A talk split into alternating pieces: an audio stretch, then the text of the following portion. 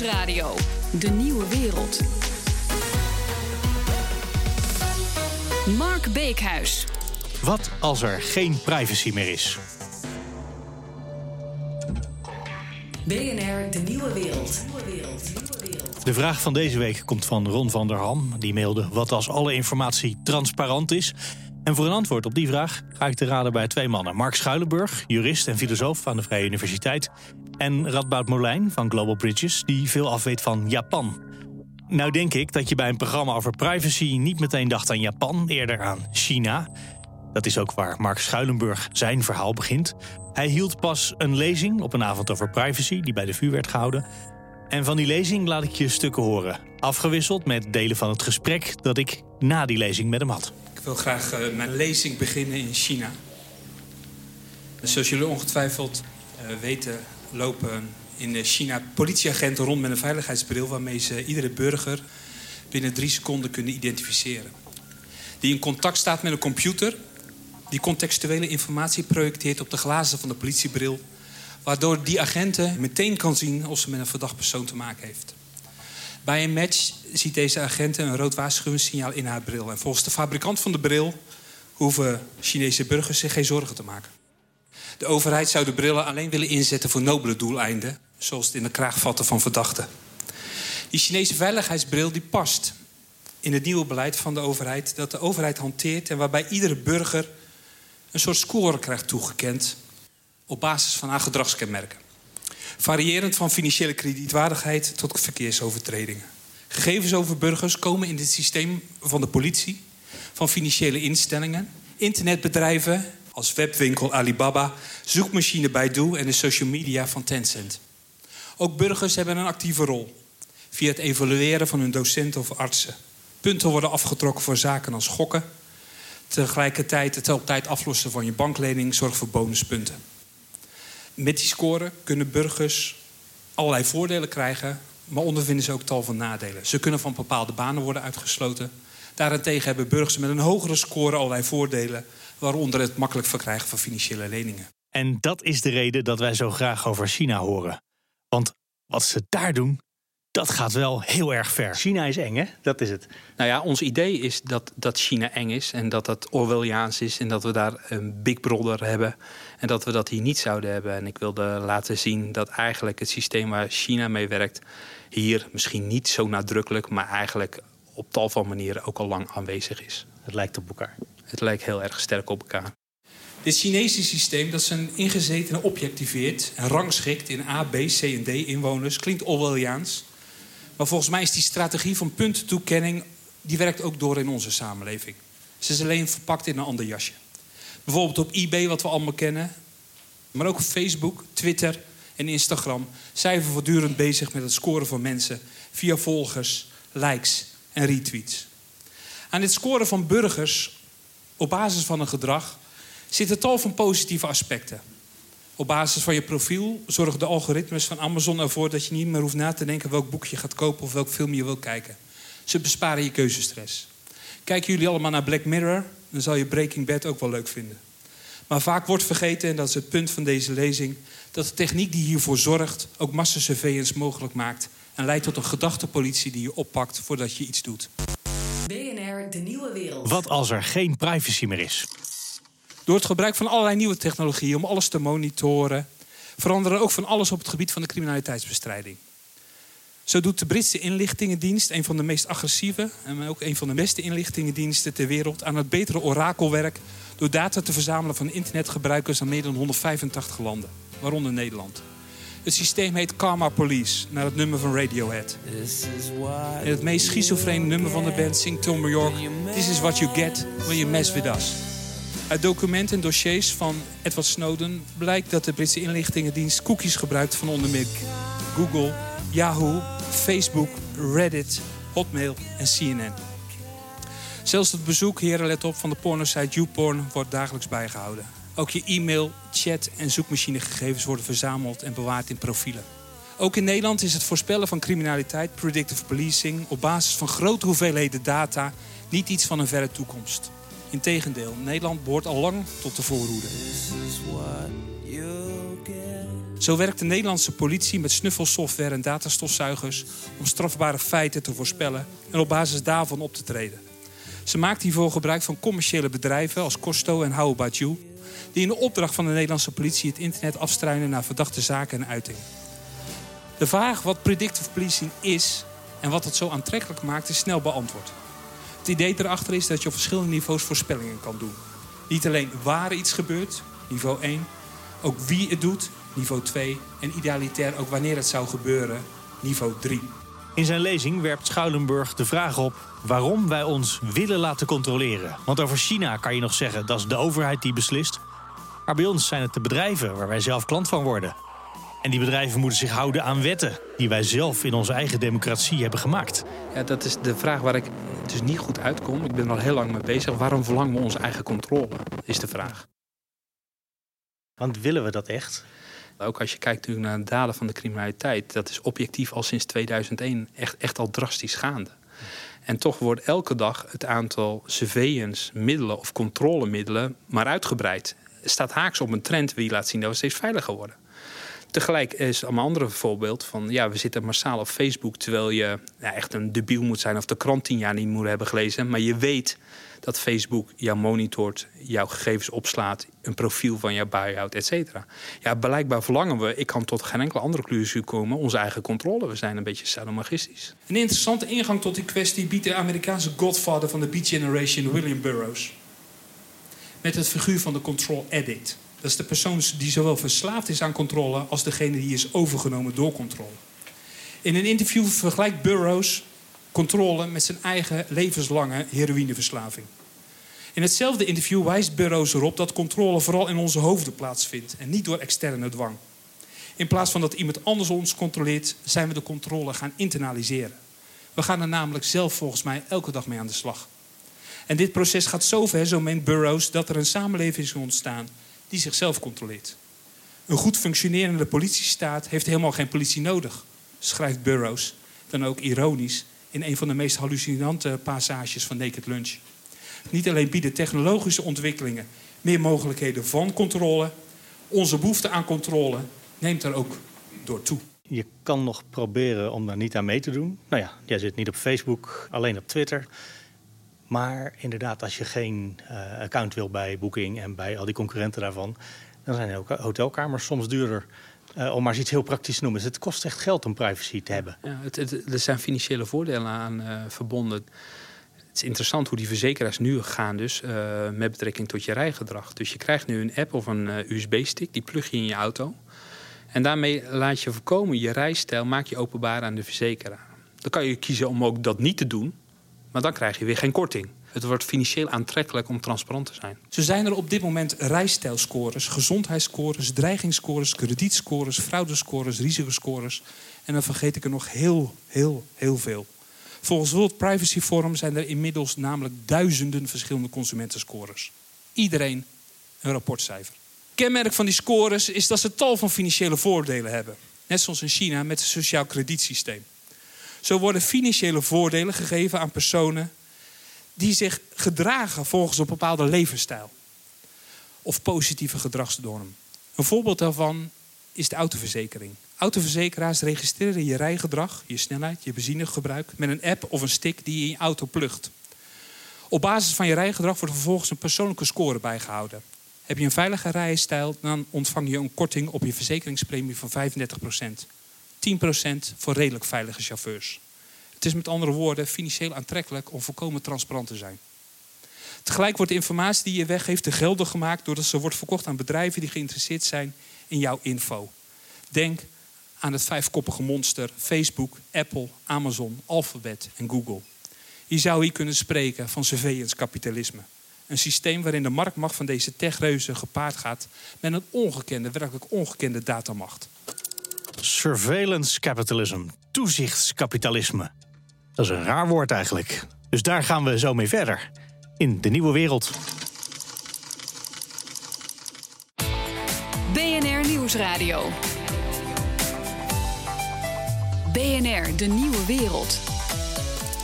Wat als er geen privacy meer is? BNR, de nieuwe wereld. China is een beetje eng als het gaat om de overheid die zijn burgers controleert, in de gaten houdt, scores geeft. Die maakt dat je ergens kan gaan wonen, of toch niet. Maar wat wij hier hebben lijkt erg op dat Chinese systeem, zegt Mark Schuilenburg. Het lijkt heel erg sterk op elkaar. Zou het hier dan ook niet een beetje eng zijn? Die draad in het verhaal pakken we zo weer op. Maar eerst wil ik even kijken naar een buurland van China, Japan. En dat doe ik met Radboud Molijn van Global Bridges. Als je de traditionele bouwwijze in Japan bekijkt, dat zijn hele dunne muurtjes. Vaak van, met, uh, met uh, papier ook nog uh, in plaats ja. van glas. Dus dat is, daar praat je gewoon doorheen als je ja. niet uitkijkt. En ze staan wel vlak op elkaar. Mm -hmm. Dus echt privacy hebben ze in dat land helemaal nooit gehad, dacht ik. Um, nee, of laten we het anders stellen. Het wordt op een andere manier opgelost. Hè? Maar je bent Japanganger, dus dat heb je zelf ook wel gezien met de love hotels, neem ik aan. Ja. Die love hotels natuurlijk, waar je gewoon naartoe gaat met je geliefde. En dat hoeft niet eens uh, je minnares te zijn, maar dat kan gewoon je vrouw zijn. Om eens lekker los te gaan. Uh, zonder dat je problemen hebt dat de buren het uh, van vier huizen verder ook nog horen. Maar de, als je zo dicht op elkaar woont en ook als je ruzie hebt met elkaar een keer, dat kan je niet altijd plannen in een nee. love hotel. Dat, dat moet de hele straat van elkaar in de gewoon traditioneel geweten. En ik zat te denken, dat moet iets hebben in de cultuur uh, hebben veranderd. Misschien wel dat daar ook iets van de bron zit van die hele beleefdheidscultuur die in Japan veel sterker is dan hier in Europa. Ja, um, geen idee. Tegelijkertijd kan je ook stellen dat Japanners, het lijkt vaak beleefd, maar uh, Japanners onderling zijn vaak helemaal niet zo aardig ten opzichte mm. van elkaar. Beleefd en aardig is ook totaal ja. niet hetzelfde. Nee, nee. nee, nee. Dus het gebeurt altijd wel op een, uh, op een elegante manier. Um, maar tegelijkertijd zijn mensen vaak gewoon echt niet, niet aardig. En dat valt me wel op. Dat um, waar wij veel meer de behoefte hebben van... Joh, laten we het even uitspreken. Of kom op, uh, hè, we hebben een probleem. Uh, hoe gaan we ermee om? Nou, wat ik daarvan merk en wat ik daarvan zie... is dat het bij Japanners gewoon veel minder het geval is ik heb nooit in Japan gewerkt, maar ik hoorde daar dat bij veel bedrijven, zeker bij kleinere bedrijven, het heel gebruikelijk is dat op vrijdagmiddag iedereen samen naar de kroeg gaat, van, mm -hmm. uh, van laag tot hoog. En dat je dan uh, compleet met directeur en al hartstikke dronken wordt. Ja, dat gebeurt overigens niet alleen vrijdag. Je ziet dus maar, sowieso... maar het feit dat je, dat, dat je moet een soort compartimentalisering van tijd in je hoofd hebben, als ja. je dat op maandag allemaal weer van elkaar vergeten kan zijn. Ja, nee, maar dat is ook zo. Hè. Dat, heeft, dat, dat kan op vrijdag zijn, maar je ziet dat Japanners toch, zeg maar, die bij een groot bedrijf werken, hè, eh, dat die vaak twee of drie avonden met collega's aan het drinken zijn, of met gasten, of met klanten, of wat dan ook. Het hele idee is dat je op dat moment veel vrijer ten opzichte van elkaar kan zijn. Maar wee je gebeente als je de volgende dag refereert naar datgene wat je s'avonds in die kroeg of in het café of in het restaurant van elkaar hebt gehoord. No way. Maar dat is ook een vorm van privacy. Dat je ja, iemand kan je samen vertellen. En de volgende ochtend weet je dat niet meer. Uit ja. beleefdheid of uit ja. omgangsvorm. Ja. Zeker, dat is dat het is privacy. Ja, dat is. En tegelijkertijd heb je dus wel even de ventielen open kunnen zetten. Ja, ja, Dat ik vatte dat voor het gemak in mijn hoofd ook alvast onder die beleefdheidscultuur. Dat je afhankelijk van de situatie, heel erg contextgebonden, met elkaar praat. Ja, ja.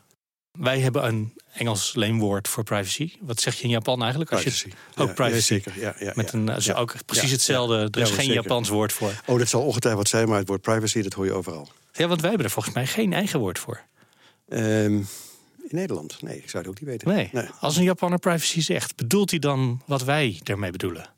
Als je kijkt naar de wetgeving ook en de manier waarop, um, uh, waarop er met data wordt omgegaan, dat is toch, het is minder um, omschreven, laat ik het zo zeggen. Geen wetten waarin beschreven staat hoe je privacy en ook waar je recht op hebt, bijvoorbeeld? Jawel, dat staat er wel. Maar er is altijd de, de afweging van uh, wat is jouw belang ten opzichte van het algemene belang. Nou, en dat is volgens mij in Amerika en Europa, maar zeker in Amerika is het anders. Privacy is gewoon iets wat van jou is. Wat gewoon, hè, dat is jouw ownership. Daar ben, je, daar ben je eigenaar van. Dat is toch een ander uitgangspunt. BNR, de nieuwe wereld. Wat als er geen privacy meer is? Mark Schuilenburg, jurist en filosoof aan de VU, had het net over surveillance kapitalisme. En dat is een rare combinatie van woorden, want surveillance is iets voor de overheid. Terwijl kapitalisme vooral over het bedrijfsleven gaat. Surveillance is vanuit zijn geschiedenis. Dus het idee dat we gecontroleerd worden, altijd gedacht vanuit de overheid. Een politie die bijvoorbeeld ons observeert en in de gaten houdt. Maar tegenwoordig zie je met het opkomst van het neoliberalisme... en ook met de opkomst van allerlei techgiganten als Facebook en Google... dat de surveillance al lang is losgezongen van de overheid. En dat Facebook en Google ons even intensief in de gaten houden als politie en veiligheidsdiensten. Alleen zij doen dat eigenlijk bijna met dezelfde soort big data en algoritme. Alleen gooi je daar andere principes tegenaan. Vooral principes waardoor ze bijvoorbeeld winst kunnen maken. Doordat ze je data kunnen verkopen aan de adverteerders. Die dan weer, als jij aan het surfen bent, de advertenties aanpassen op jouw surfgedrag. Ja. En maakt dat niet een fundamenteel verschil of iemand jou volgt vanwege ja, winstbejag of om jou als staat te controleren? Maar dan ga je ervan uit dat er nog een uh, zuiver onderscheid zou kunnen worden gemaakt tussen staat en bedrijfsleven. En volgens mij is dat in ieder geval. Geruchten gaan heel, al heel lang dat Zuckerberg uh, president wil worden van de VS. Zich misschien ook kandidaat gaat stellen. Hij heeft zelf in interne brieven en ook uh, brieven naar de gebruikers al een paar keer opgehind dat hij eigenlijk overheidstaken wil overnemen. Bijvoorbeeld als er een watersnoodramp is, zegt hij: Ik kan meer mensen sneller contacteren dan de overheid. Dus laat mij die functies doen. Dus daar zie je al dat Facebook al aan het meanderen is. Het is niet zuiver een, alleen een bedrijf meer, maar het wil steeds overheidstaken op zich nemen. En tegelijk heb ik in mijn lezing ook laten zien dat bijvoorbeeld de politie gebruik weer maakt van private bedrijven zoals Costo. Die voor de politie in internet afstruint op zoek naar uitingen die misschien verdacht zijn. Dus het zuiver onderscheid tussen de staat en het bedrijfsleven is er in werkelijkheid niet. Het is echt een soort hybride, een soort assemblage geworden van publiek en privaat. Het doel en het bereik van de opsporing van strafbare feiten verandert hierdoor ingrijpend.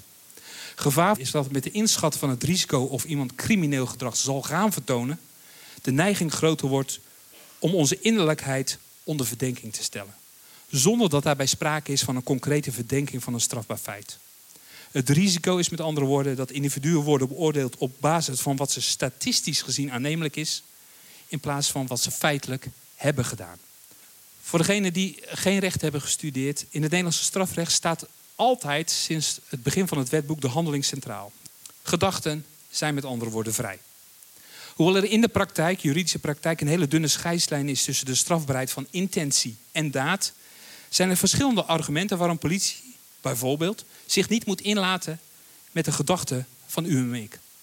Ze hoeven gedachten niet te leiden tot het daadwerkelijk begaan van een feit. Iemand die bijvoorbeeld van plan is een aanslag te plegen op deze avond, kan bijvoorbeeld op tijd tot inkeer komen omdat hij mijn lezing toch wel aardig vindt en tot op het einde wil meemaken. Maar belangrijker is dat door het centraal stellen van gedachten de politie en de inlichtingendiensten te veel gaan inlezen in een op zichzelf weinig zeggende gedragingen die tot het normale dagelijkse leven behoren. Zoals een cursus godsdienst volgen of een ticket boeken naar het Midden-Oosten. De predictiepolitie gaat met andere woorden in het hoofd van ons kijken door betekenis te geven aan doorgaans lastig vast te stellen intenties en komt hierdoor op de stoel van de psychiater te zitten. Op basis van zeer grote hoeveelheden data, zoals het uitdelen van likes op Facebook en Twitterberichten, die ook nog eens uit verschillende bronnen komen, redeneren politie en de veiligheidsdiensten namelijk steeds meer richting de mogelijke verwerkelijking van een strafbaar gevolg. En daarbij is het volgens mij volstrekt onhelder welke correlaties er moeten zijn voordat de predictiepolitie ingrijpt. Beslissingen hierover staan namelijk niet meer of worden niet meer genomen vanuit een heldere chain of command. Ze staan ook niet meer op papier, beste mensen. Daarentegen zijn ze opgenomen in de script van de dingen, in de algoritme van de zoekmachines van politie en inlichtingendiensten. Consequentie daarvan is dat er steeds verder afstand wordt genomen van het klassieke strafrecht, waarin de handeling van een bepaald persoon centraal staat. En daarentegen schuift de grens steeds meer op naar wat de Duitsers zo vrij noemen een gesinnungsstrafrecht, een intentiestrafrecht. Is het bijvoorbeeld voldoende wanneer een persoon regelmatig een moskee bezoekt, gebruik maakt van de onder ISIS-aanhangers populaire website Just Paste It en een vliegticketboek naar het Midden-Oosten? Welke betekenis moet aan de samenhang van deze ieder op zich niet strafbare feiten worden gegeven? Kortom, wie durft er nog zichzelf te zijn? Dankjewel voor je aandacht. Je eindigt met de vraag: durft iedereen nog zichzelf te zijn of durf je nog jezelf te zijn? Durf je dat eigenlijk nog? Nee, ik, ik, ik let eh, heel erg op dat ik een gedeelte van mijn uh, leven afscherm naar de buitenwereld.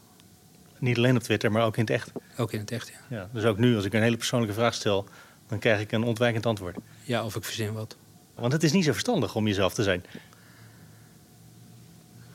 Ja, het is natuurlijk dubbel. Aan de ene kant, je wil natuurlijk volkomen jezelf zijn. Aan de andere kant moet je ook niet naïef zijn. En uh, ik ben altijd een beetje bang voor die... Uh, ook als ik lesgeef, er zijn er nog steeds studenten die zeggen... ik heb toch niets te verbergen, wat natuurlijk een volkomen stupide opmerking is. Want ja, wat ik net al zeg, je hebt natuurlijk heel veel te verbergen. En je wil ook iets te verbergen hebben, uh, omdat dat jezelf maakt. Hè? Jouw geheim is natuurlijk ook een onderdeel van je identiteit. Mhm. Dat maakt jou ook.